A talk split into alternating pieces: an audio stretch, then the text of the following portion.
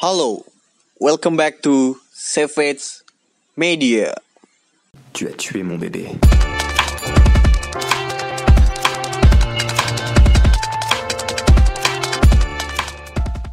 balik lagi ke podcast Savage Football Media. Yoi. Yoi. Yoi.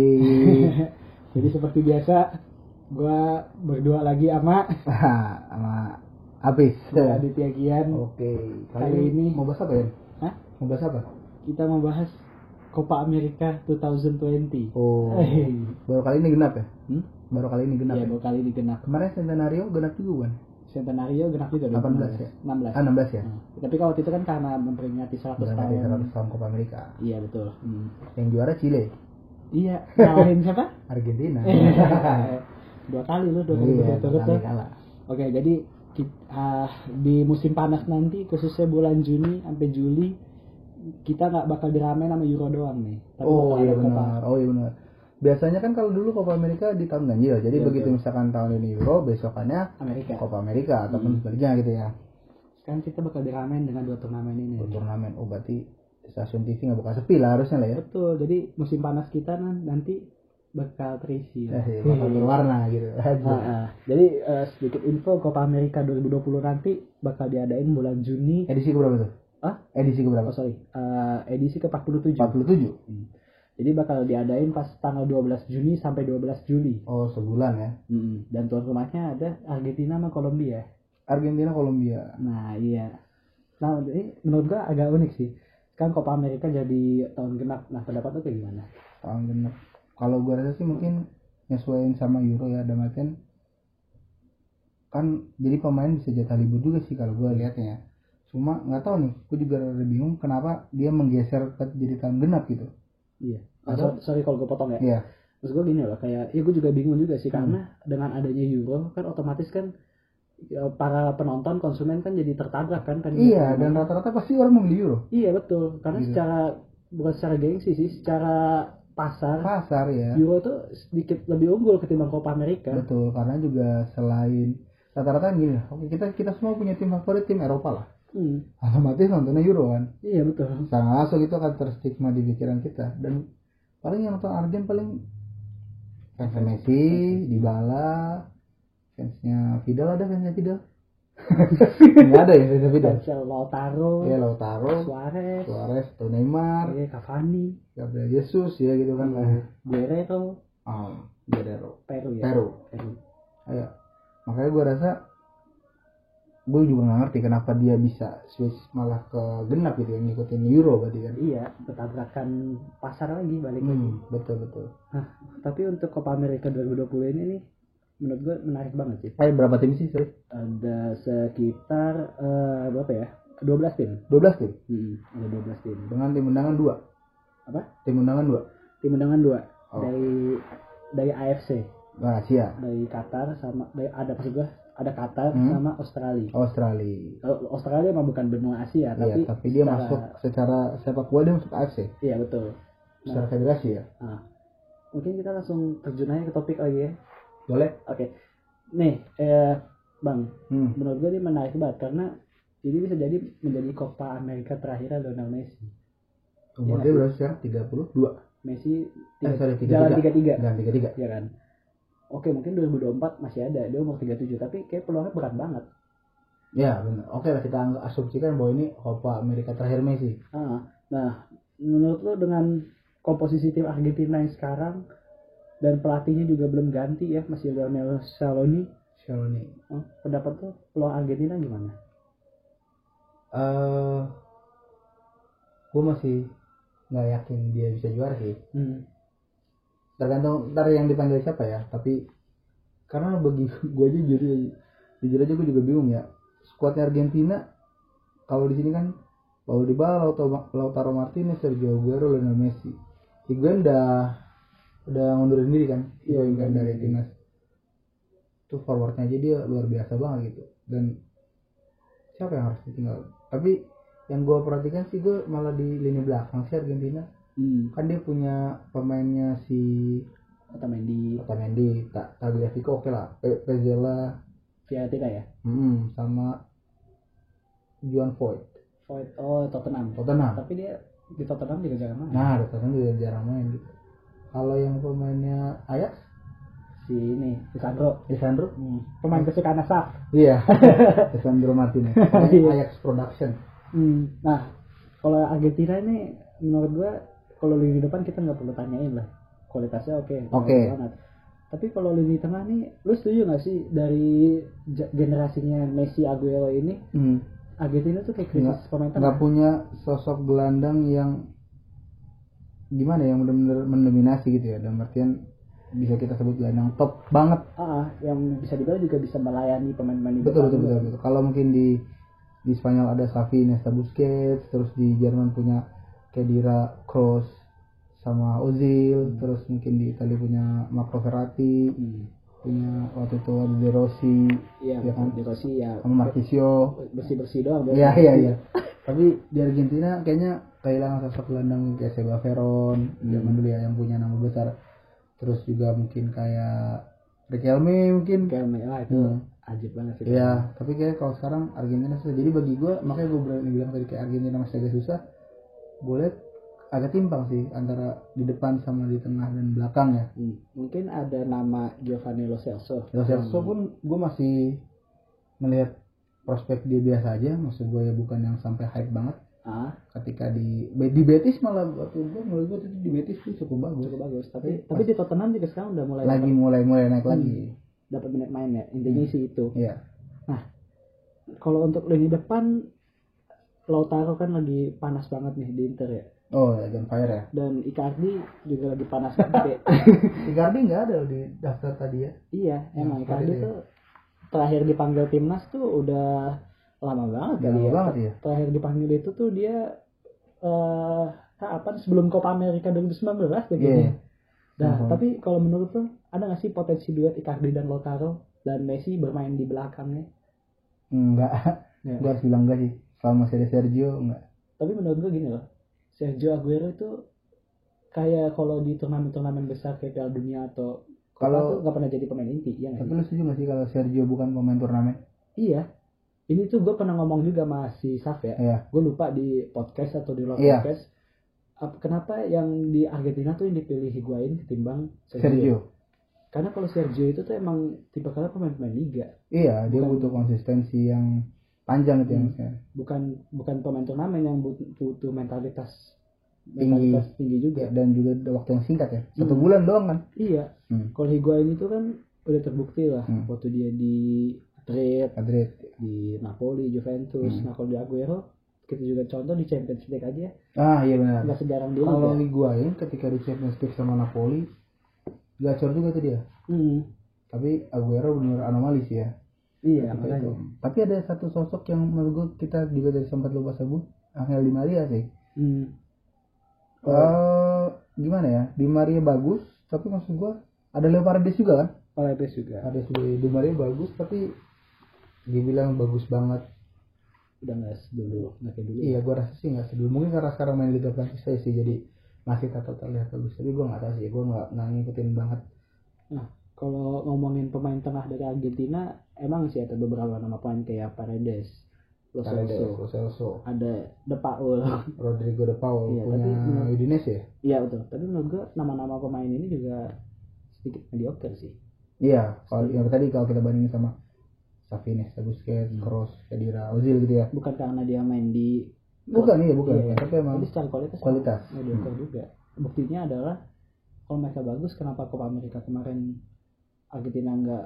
Maksud gue gini loh, Argentina oke juara tiga, Iya, tapi maksud gue juga mainnya nggak bagus-bagus iya. Betul betul. Masih Messi sentris juga sih. Messi sentris juga. Masih sentris. Kayaknya semua tim yang ada Messi pasti Messi sentris. Iya. Iya, nggak benar juga. nggak bisa dibohong juga gitu. Ah, Oke, itu kita tadi bahas kansnya si tuan rumah. ah, Kolombia. Ya kan tadi Argentina, sekarang tuan rumah satu lagi. Sekarang Kolombia nih. Ah, Kolombia. Ini Kolombia ini Nah, emang sebenarnya tim yang bisa dibilang udah hitam? udah nah kuda hitam juga sih Udah masuk ke tim papan atas? di Amerika Selatan. Iya, di Amerika Latin. Progresnya dia sejak Piala Dunia 2014 udah bagus banget. Emang kita tahu, Oh iya, 2014 dulu. emang kita tahu sebenarnya Kolombia itu sebelum Piala Dunia 2014 zamannya Valderrama sama Valderrama dan lain-lainnya Iya. emang udah bagus sih Iya iya udah Tapi kan cukup baru- gitu ya. baru ada generasi masih lagi bagi lagi kan Falcao. generasinya Falcao, James, Ospina, sama Murillo dan lain-lainnya iya. lah. Mm, sama Cuadrado juga mungkin. Dulu malah dia punya striker yang main di Atletico siapa? Ini Jackson. Jackson Martinez. Tapi Jackson juga Hilang. Iya, Iya. hilang. Nah, kalau ngomongin Kolombia nih mm, gimana nih peluangnya menurut lo nih? Strikernya siapa sih selain itu? Strikernya itu tuh ya paling mereka mengandalin Muriel sih pemain Muriel soalnya yang masih itu ya masih masih in ya. Mm-mm. Falcao di Galatasaray juga nggak terlalu hype kan? Iya, sama Dufan Zapata. Dufan Zapata. Kita kita jangan lupa ada Dufan Zapata pemain Atalanta. Atalanta. Aduh, kok kalau ngomongin Atalanta gue paling senang ya. Iya. tapi, tapi emang, emang gue sih Dufan Zapata pun musim ini bagus sih. Eh, Hmm. dan jangan lupa sebenarnya masih ada Carlos Bacca. Dia walaupun udah tua dia, ya, Dia Sevilla ya? Villarreal. Oh iya, oh balik lagi. Villarreal. Oh iya. Villarreal. Villarreal. Ya kan? James ya di Madrid jarang main sih. sekarang main. Tapi kita agak bakal apa ya, gak bakal bisa menghapus nama James sih. Mm-mm, nggak bakal bisa hapus nama dia juga. Dia pasti bakal krusial banget buat peran di Kolombia nanti. Nah untuk gue sih lebih tertarik malah di gelandang juga gue liat Wilmar Barrios bagus tuh. Oh, pemain Zenit ya. Ya dari dus main di Boca kan, Hmm. Boca Zenit. Nah gue malah tertarik sama lini belakangnya dia. Lini belakang dia. Nah, Nah sebenarnya nih bagi gue ya, Dao Sanchez dan Yeremina tuh, klop. enggak maksud gue aturan bisa lebih dari apa yang ada sekarang. Oh iya betul. Si- Itu mereka itu duet waktu Piala Dunia du- 2018 kan? Waktu yang di Rusia ya. Iya. Hmm. Duet kan mereka. Dao Sanchez sama Yeremina, apalagi dilihat usianya mereka tuh kan Nggak muda banget kan. Iya muda-muda banget kan. Yerimina 26 jalan 26, David Sanchez jalan 24. Oke, bisa gue bilang sepantaran lah ya. Antaran Hmm. beda beda 2 tahun lah. Sepantaran. Oke. Gue harap sih mereka bisa, maksud gue, apalagi kan kayak Yeremina sekarang starting di mana? Everton. Starting. Nah, Dao Sanchez yang jarang main juga sih. Awal-awal bawahnya sih main mulu. Ya, cedera nggak sih dia? Enggak sih. Enggak ya? Kurang Agak tahu deh emang- ada Weret aja sih nggak tergantikan ya. Iya. Sama Vertonghen. Nah, kayak kalau ngomongin kiper ya kita tahu lah siapa David Ospina. Ada the one and only. The one and only. Ada lagi nggak sih cadangan siapa sih? Ya, gak tahu sih kalau cadangan sih. Tapi Nggak ya? paling orang kalau nyebut Kolombia nih kiper ya Ospina. Nah, iya sih. Tapi kalau kita lihat Ospina juga di Napoli jadi pilihan kedua. Biasa saja di bawah Alex Meret ya. Hah? Alex iya, di bawah ya. Alex Meret. Iya sih. Mungkin waktu Alex Meret cedera, eh, dia main mulu kan. Iya. Dan gara-gara tendangannya Lukaku tuh. Oh iya iya. Ah. Oh, patah ya. Gak ngerti dah gue dah. Sebenarnya Ospina juga gak buru-buru banget. Tapi ya juga gue bisa bilang nggak bagus-bagus banget juga. Iya sih, maksudnya kayak statistik ya contoh ya. Iya. Di Liga Champions musim lalu ya, bukan musim ini. Nah, Oke.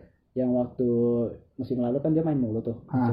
Itu bagus statistiknya. Secara stas, Statistik. ya, Iya. secara statistik bagus. Bagus. Tapi ya ya sesuai tadi lo bilang. Iya. Dibilang bagus juga. Never too high, never too low. iya. Iya, nggak pernah bagus banget, nggak pernah jelek banget. gitu aja sih. Nah, kalau ngomongin Radamel Falcao gimana nih? Menurut Iya, ada tadi gue udah sempat sindir dikit Radamel Falcao kan sempat hype tuh ketika kepindahannya ke Galatasaray Nah, yang dilulukan banget tapi nyatanya sampai sekarang Falcao pun Fa, gue akuin ya oke gue beberapa tahun yang lalu gue mengidolakan Falcao bahkan ketika dia nyampe ke MU pun gue ngerasa kayak wah itu oh lu bakal jadi sesuatu tapi.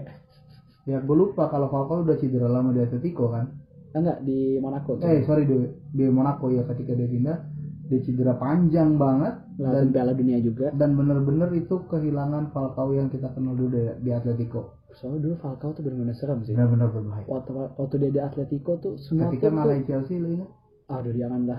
Piala Super ya? iya Fuck you lah. Iya, maksud gue iya coy Se- segarang itu Falcao kan Hat trick loh. iya Apalagi golnya, aduh gue ingat banget gol yang dia tekukan tuh. iya Yang kita cek, aduh. Gila sih itu maksud gue janganlah. selevel itu loh Falcao. Iya, bahkan ketika di Monaco pun kalau lu inget dia golin ke gawang City dialog bolanya Caballero. Iya masih ada sentuhannya kan. gila sih maksud gue sih.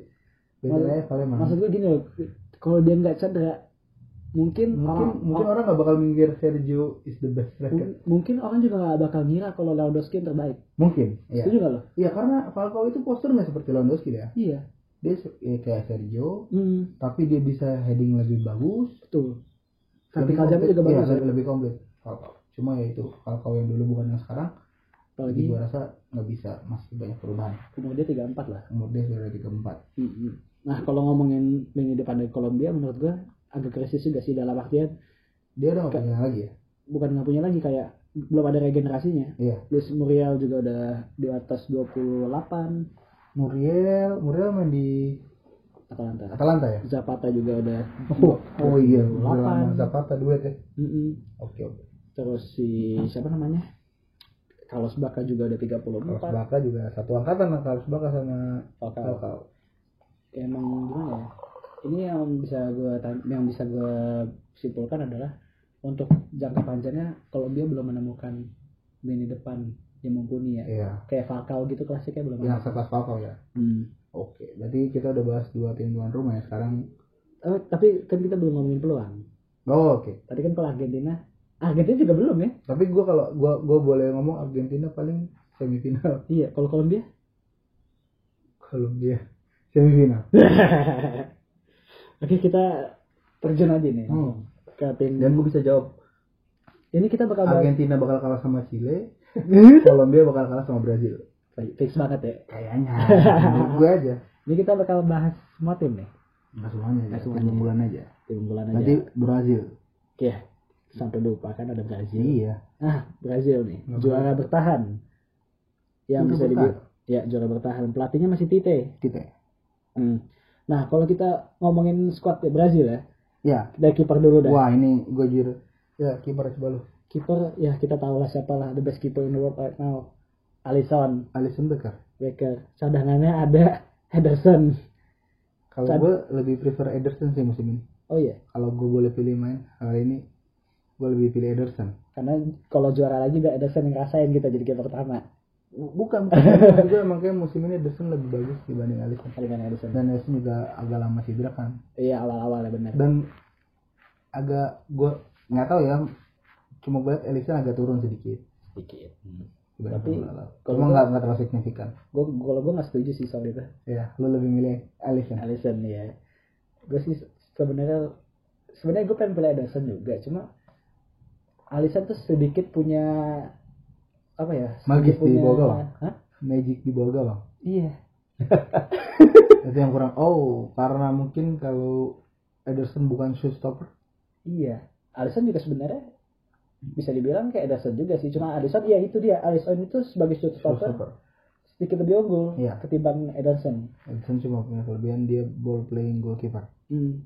Nah kiper ketiga juga ada Casio di Corinthians. Oh, Corinthians ya. Ini nih kalau lu sebagai fans Chelsea nih, lu bakal tahu nih kiper mau kayak gimana waktu Piala Dunia 2012 ya Bagus. Piala Dunia klub tuh Oh, iya iya. final tembok banget sih tuh orang. Hmm, hmm. Dan gua makanya gua nggak bisa bayangin Brazil punya tiga kiper yang Punya berkualitas. tiga kiper berkualitas ya. Ah, Casio yang istilahnya cuma main di liga lokal aja. iya. Udah Liga, jago tapi banget. liga lokalnya Brazil lah. Iya iya, iya. Iya. Ah, lanjut kali ya ke sektor pertahanan. Masih orang yang sama ya. Thiago Silva Marquinhos, Hmm, masih ada. Danilo, Alexandro, Eder Militao, Renan Lodi. Ah, eh, ini menarik nih. Eder Militao dan Renan Lodi. Sebenarnya dan juga ada Emerson dari Real Betis. Oh, Emerson Real Betis. Ini sebenarnya ini nama-nama yang kita sebutin sebutin ini belum tentu fix utama sih. Ya, Maksudnya ini belum cuma tentu ini cuma skuad terakhir ketika dipakai di uji coba terakhir ya. Heeh. Hmm. Maksud gue ini squad ini di, terakhir dipakai pas bulan November kan. Hmm, hmm. Tapi dari nama-nama yang kita sebutin ini kayak berpotensi banget. Berpotensi banget buat kepilih lagi. Eder Militao yang udah mulai sering dapat menit bermain di Madrid. Ya, Eder Militao mulai menunjukkan kalau dia bukan bek kacangan dari Porto. Ah, waktu itu siapa yang ngomong lu ya? iya. Awal-awal Karena gue meragukan. Gue Iya. kan gue nggak tahu mainnya Eder Militao. Iya. Asli sih. Renan Lodi juga di Atletico mengunci posisi bek kiri. Wah, sekarang udah kayaknya mungkin kayak Felipe Luis dulu ya. Iya. Ketika zaman peak perform Felipe Luis, Renan Lodi lah. Ini tapi lebih eksplosif. Tapi dia lebih eksplosif ya. Ya. Dan masih ada Emerson juga Emerson bek kiri juga. ya? bek kanan. Oh, bek kanan. Ini yang waktu Oh, itu sorry, Emerson bek kiri mah bek Chelsea ya.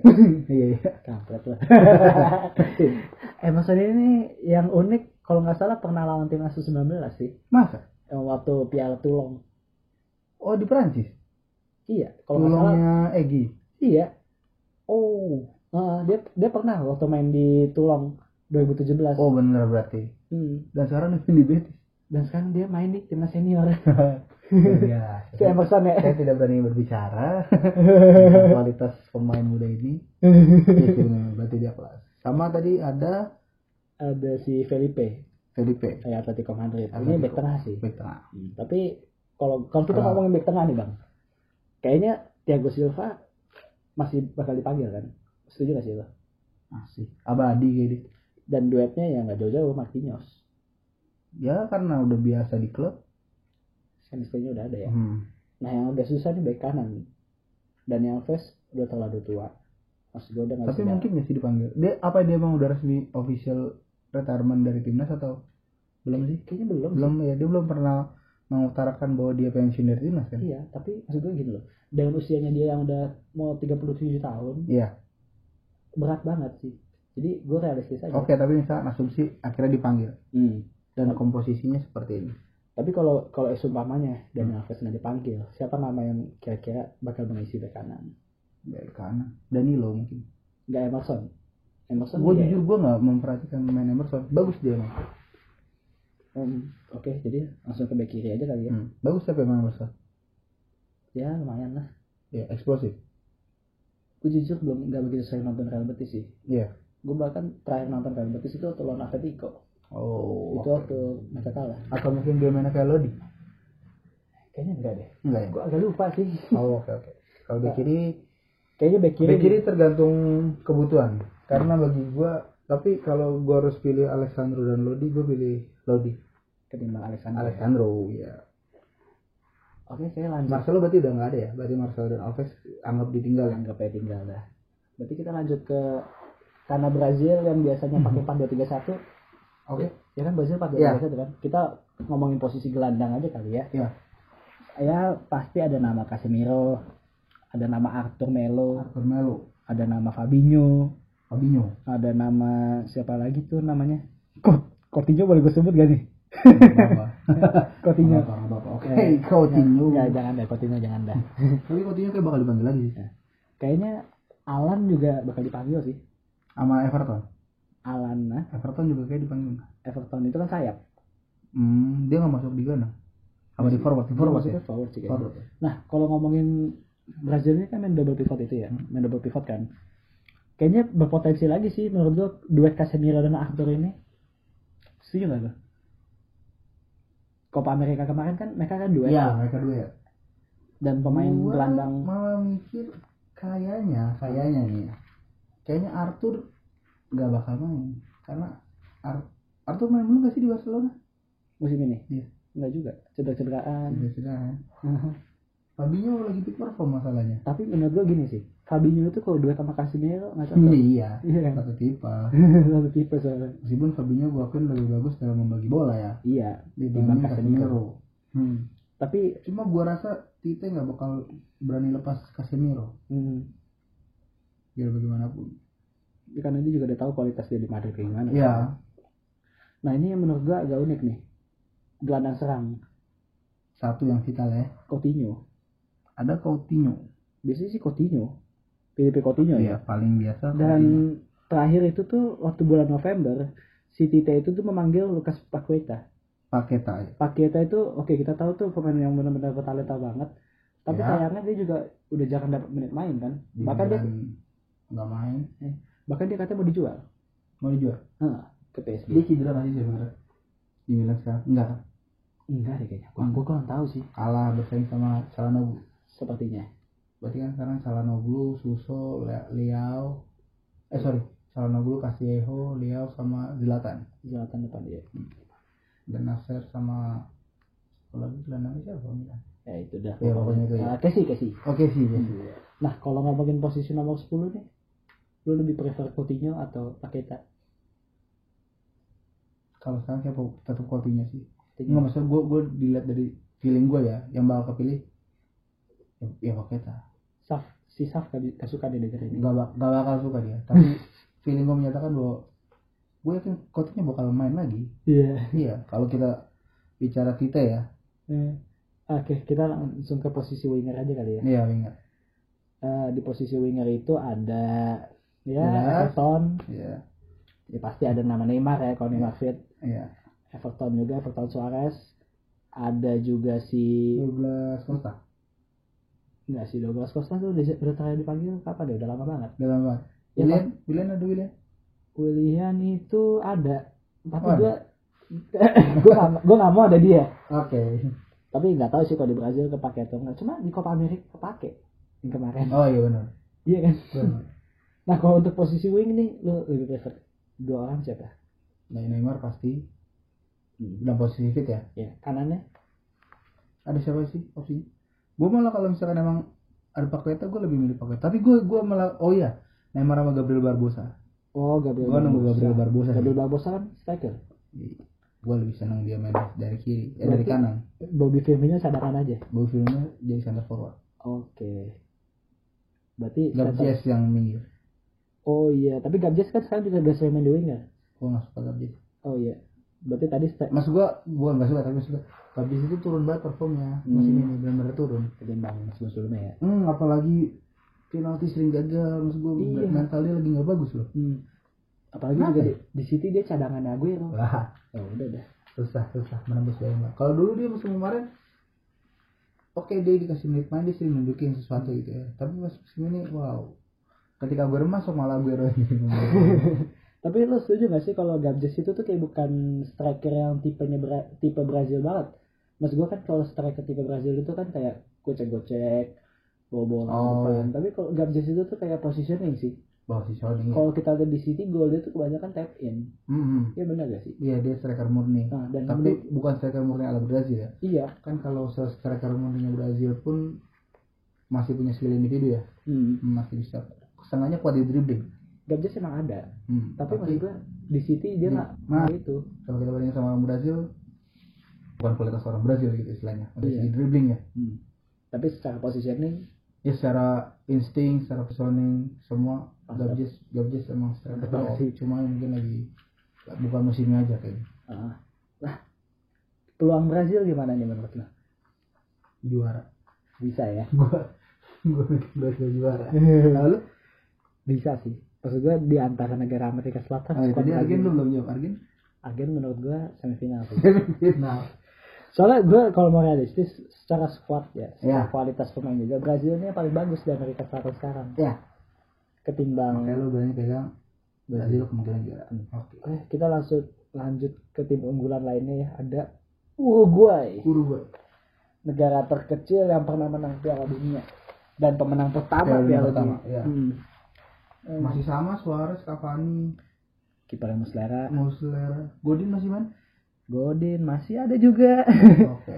Awet ya Nah, kalau ngomongin kiper nih, ya ki- lu setuju gak sih kayak gak ada kiper yang bisa nyaingin Muslera di Uruguay? iya gue juga nggak tahu lagi sih kiper. Cadangannya siapa coba namanya? Martin kampanye main di Independiente, gue nggak tahu tuh.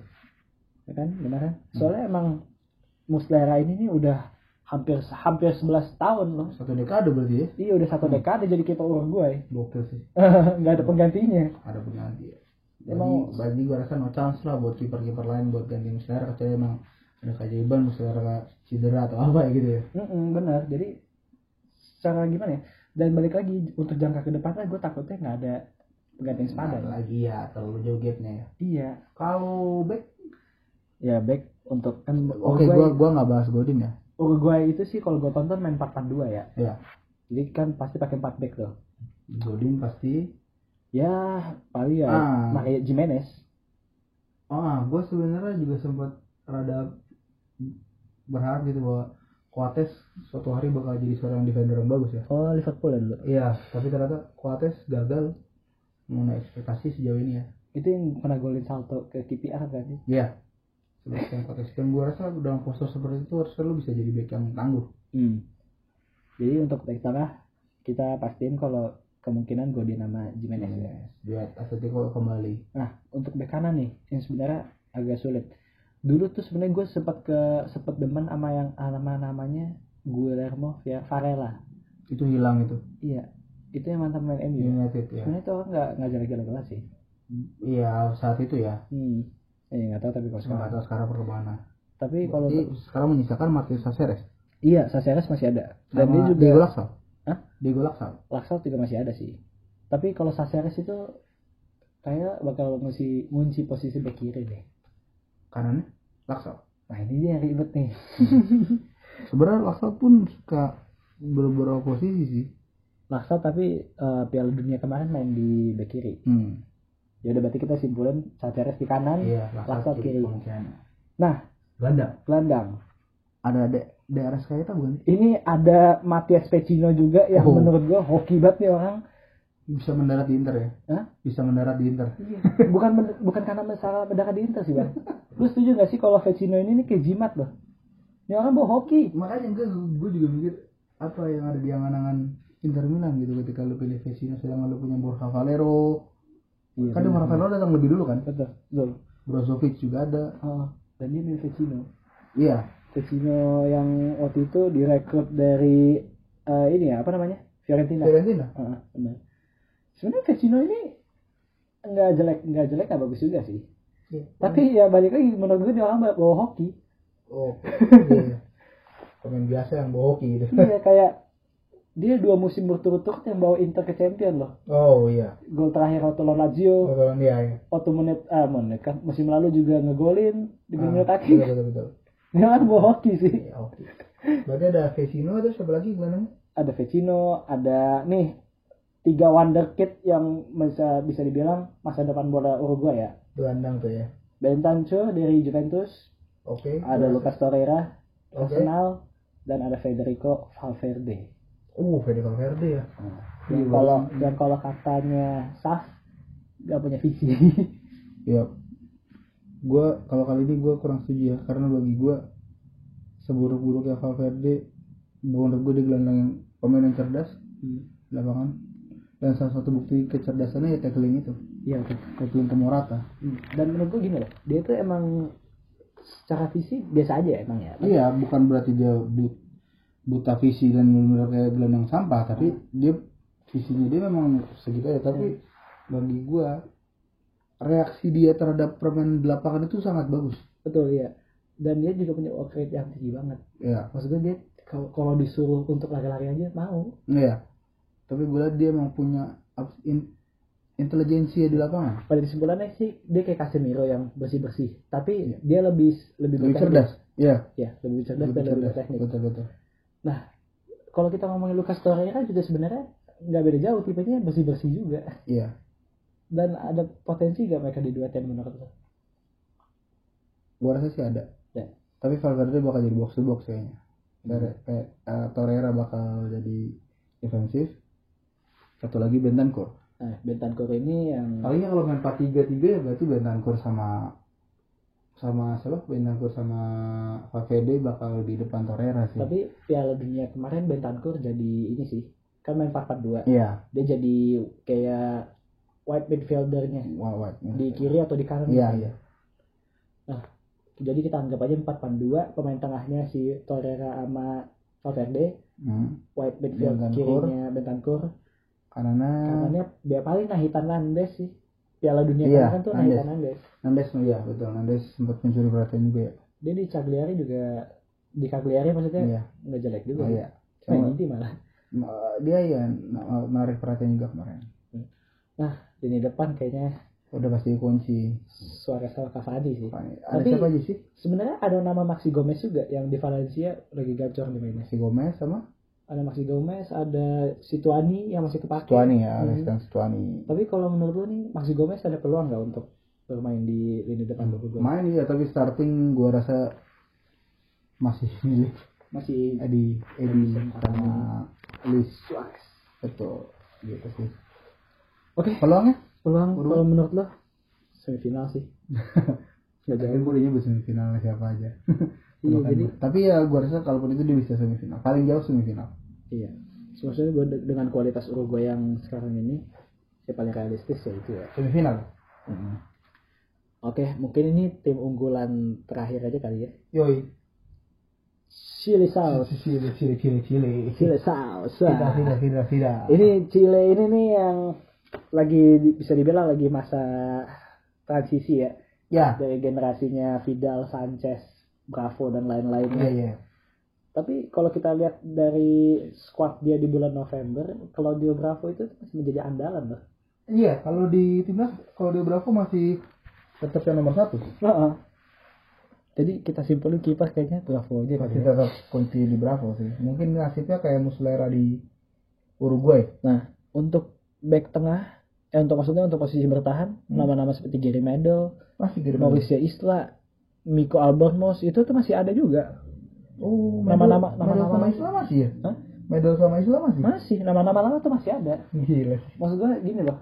Kan tadi kan gue bilang transisi ya. iya Tapi sih ini kelihatannya kayak bukan transisi aja gitu. Soalnya kayak nama-nama lama tuh malah masih bakal ada. vakum sih kalau gua rasa di masa depan Iya. Berarti kayak bulan oh sorry di Medel pun kan aslinya sebenarnya bukan defender kan Tengah. gelandang bertahan dulu Nah, kan Medel. dikonversi jadi seorang defender berarti kira-kira kan dia biasanya tiga empat tiga Iya, waktu zamannya Sampaoli. Sampaoli. Tapi kalau zamannya siapa pelatih yang sekarang tuh? Eh maksud gua pelatihnya Ronaldo Rueda gua nggak tahu. oh enggak tahu. oke kita asumsi misalnya tiga empat tiga lah Tapi kayaknya agak susah sih kalau Chile ya. iya tapi berarti Medel pasti main Isla pasti main Mungkin. Terus, satu lagi siapa defender yang kira-kira Ya, Miko Albornoz pasti main juga. oh alah. ya udah Iya, itu iya. nama-nama lama dah pokoknya. lama lama ya, ya. Hmm. Ya meskipun ada nama-nama baru juga ya kayak Hmm. Sebastian Vegas, Francisco Sierra Sierralta. Hmm.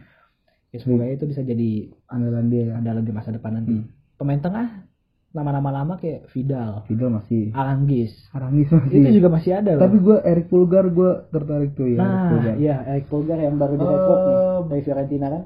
iya dulunya bolonya Dulunya bolonya. bolonya Emang Pulgar ini nih waktu dari Copa America tahun lalu Iya. emang udah nyuri perhatian. udah iya udah mulai mulai menunjukkan kalau dia tuh bakal siap-siap menjadi leader di lini tengah ya Hmm. Jadi kita asumsiin kayak di tengah bakal diisi oleh Pulgar ya. Pulgar. Satu, satu satu tempat diisi oleh Pulgar. Pulgar gue rasa Vidal juga kayaknya pasti sih. tak tergantikan di Chile Iya. Anggis juga kayaknya pasti. Anggis mungkin main di samping Iya, Anggis pasti ya, masih ada. Sebenarnya kalau kita lihat nama-nama pemain tengah Chile tuh yang benar-benar segar bawa Eric Pulgar doang. iya Mbak. dari pemain baru ya? Hmm, sisanya tuh lama-lama lama ya. lama-lama ya masih ada di si P eh, Paves Lorenzo Reyes juga nih Hmm, Lorenzo Reyes juga masih lama-lama juga kan. Hmm. Tapi belum ada pergerakan yang bagus sih dari lini tengahnya. Chile iya. Nah, Depan. lini depan yang sepertinya lagi krisis nih.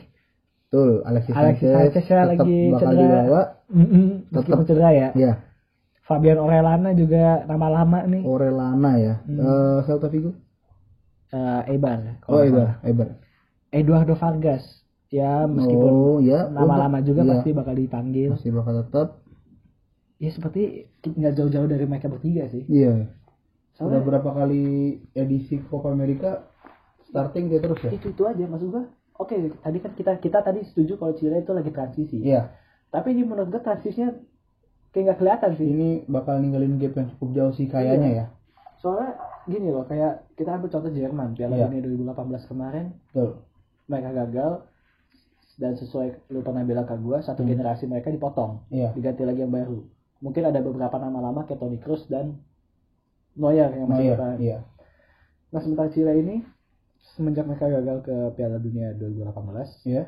nama-nama lama kayak Sanchez, Iya. Vidal, Aranguiz itu semua masih ada Masih ada ya. dan belum ada regenerasi yang bisa dibilang mengganti mereka yang sepadan. Iya. Dan gue setuju sama lu itu bakal ninggalin gap yang besar. Gap yang sangat besar, terutama apalagi kita tahu di timnas ya, ini bukan klub, Hmm. jadi lu bisa beli pemain muda di develop sendiri. Tapi ini kalau timnas ini Nah, timnas kan lu gak bisa beli pemain. Paling bantu naturalisasi, betul. cara paling ampuh. Tapi Makanya- maksud gua adalah ya lu level Chile lu naturalisasi berarti ada yang aneh. Aneh-aneh ya. Iya, maksudnya lu tim besar gitu kan. iya. Gitu. Makanya bahaya nih Chile gua rasa. Dan Jerman aja ketika pakai skuad muda yang berangkat ke Konsentrasi. ya di 2018 kemarin di Piala Dunia Nah, hancur-hancur kehancuran. Makanya tapi menurut gue itu jadi sebuah sebuah pengalaman sih. ya jadi seenggaknya ini anak-anak muda yang waktu itu hancur bangkit lagi. kan ada Euro nah, mungkin ini ajang pembuktian mereka Hmm. selang dua tahun dari itu apakah dia bisa bangkit atau enggak Tapi bisa aja sih kayak Jerman 2010 yang benar-benar generasi baru dia langsung semifinal. iya langsung hype kan Heeh. langsung hype kita nggak tahu juga tapi kan kita lu juga nggak bisa lupa Jerman 2010 pemain mudanya saat itu juga udah punya nama saya Iya sih. Ya, kan, Ozil. Ozil udah punya nama Ozil di punya waktu nama. di Werder Bremen. Betul si ini juga siapa tuh namanya? Sampai Kedira di Sampai Khedira di Stuttgart, ya ya. kan. Juara liga kan Ya, dia Thomas pemain Muller juga udah mulai naik dari uh, Bayern Munchen Junior ya kan. Iya betul. Sebenarnya kita lanjut aja kali ya. Iya. Oh iya, peluang No, Chile. Ah. Final. final. Paling jauh final. Paling jauh Kayaknya final. tapi nggak juara. Tapi ini generasi terakhir mereka ya. ya tapi pokoknya gue yakin Chile nggak juara musim ini. Eh, edisi kali ini. Pokoknya intinya ini hadiah terakhir generasi iya iya pokoknya persembahan terakhir lah. sebenarnya kita mau bahas tim-tim so kayak Ekuador, Peru, dan Paraguay. Paraguay. Tapi ini masih di luar nalar kita ya. Iya. Dan Bukan bukan bukan meremehkan tapi maksud gue kayaknya enggak deh. oke Peru mungkin eh, 2000 berapa 2019 kemarin bisa jadi runner up. Iya baru. Ya, tapi kita kan ngelihat nama-nama pemain-pemain Peru nih juga udah Nah, uzur ya. Jefferson Fafana masih mana? Jefferson Falcon masih masih ada juga Masih ada. sama si siapa? Paulo Guerrero. Paulo Guerrero yang udah uzur banget tuh orang. Masih ada juga. Kira lu tau gak Paulo Guerrero pernah main di Bayern Munchen? Hah? Lu tau gak? Gue tuh tahu enggak. gak tau kan? Enggak tahu. Lu aja gak tau Paulo Guerrero pernah main di Bayern Gue Munchen. taunya dia main di Corinthians dulu. Gua tahu Paulo Guerrero pernah main di Bayern Munchen Gua sama Rocky tahu. Santa Cruz. Gue gak tahu. Gila. gue tuh tahu dia gara-gara apa? Apa? Gol dia ke gawang Chelsea. Oh, di Corinthians. Iya, iya. Udah. Selalu tahu dia pernah main di Munchen, coy. Oh iya. Iya, lu cari coba. Sumpah gue tahu gue. Sama Rocky Santa Cruz atau Rocky Santa Cruz? Tahu lah Ah, itu. iya. Udah ke City. Bener kan? iya, Paraguay. Paraguay. Oh, tapi kayaknya asik juga nih kalau kita bahas yang tim undangan. Hah? Iya, benar. Pemikiran nih kita nih. Oh, iya, udah mulai nemu nih. Soalnya ada tim Asia nih. Tim benua kita. Dan juga bukan tim sembarangan nih, ada yang calon tuan rumah Piala Dunia, cuy. Yoi. Dan Dan sebelum ke Qatar, kita sikat dulu nih yang satu lagi. Australia. Australia. Australia. Australia. Australia. Australia pemainnya siapa sih? Australia ini pemain-pemainnya Selain Jedinov? ya kiper ya kita tahu lah Matthew Ryan main di Brighton. Matt, Matt Ryan tuh bukannya New Zealand?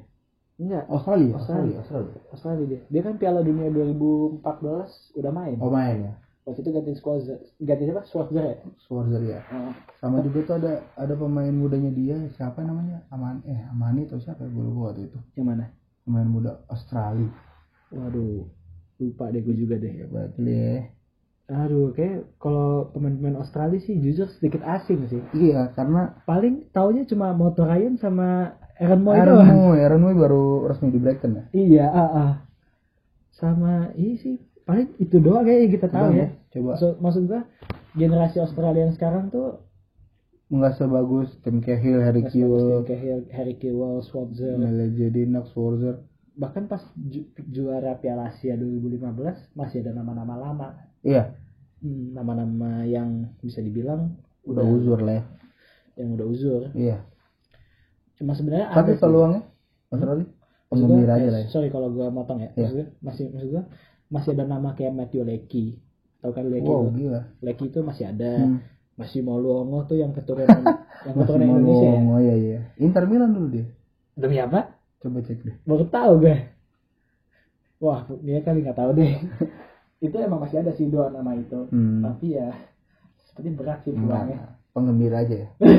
Tapi jujur ya kayaknya kayak Hore-hore doang. Hore-hore aja. Qatar. Nah. Gue gue malah tertarik ke Qatar. Ini yang yang tadi sesuai lo bilang Iya. calon juara, calon juara, calon tuan rumah Piala Dunia, Udah fix ya. Iya. iya.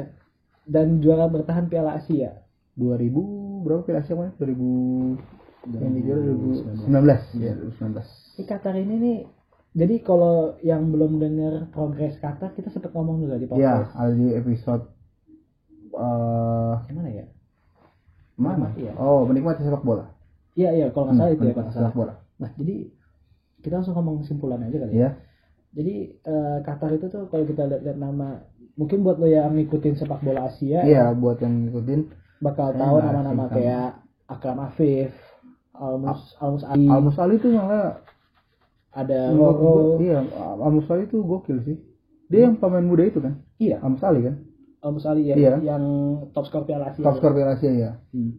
Dan kalau kita lihat juga eh, segini loh, ini yang menurut gue unik ya. Iya. Pemain-pemain timnas Qatar itu tuh mayoritas pemain Al-Sadd dari klub Al-Sadd dan klub Iya. Al Duhail. Aldo Hail. Berarti secara langsung dia memberdayakan talenta lokal Talenta yang lokal. main di liga lokal. Iya. Dan ini menurut gue jadi suatu keuntungan karena kenapa? Keuntungannya ini tuh karena mereka udah main maksud gue karena satu Satu lingkup, Timnas- iya, satu, timnas kompetisi itu. yang sama gitu ya. Hmm, pertama itu, kedua hampir hampir mereka ah hampir dari mereka semua bermain di klub yang sama. Nah, Adaptasi mereka lebih mudah. lebih cepat. Hmm. Dan juga bagi gua mikir dia nggak ter- banyak terekspos media, Hmm. jadi otomatis kayak gaya main dia mereka nggak banyak yang orang tahu. Iya. Buktinya nyatanya mereka bisa keluar jadi juara di Galaxy ya. Piala Asia.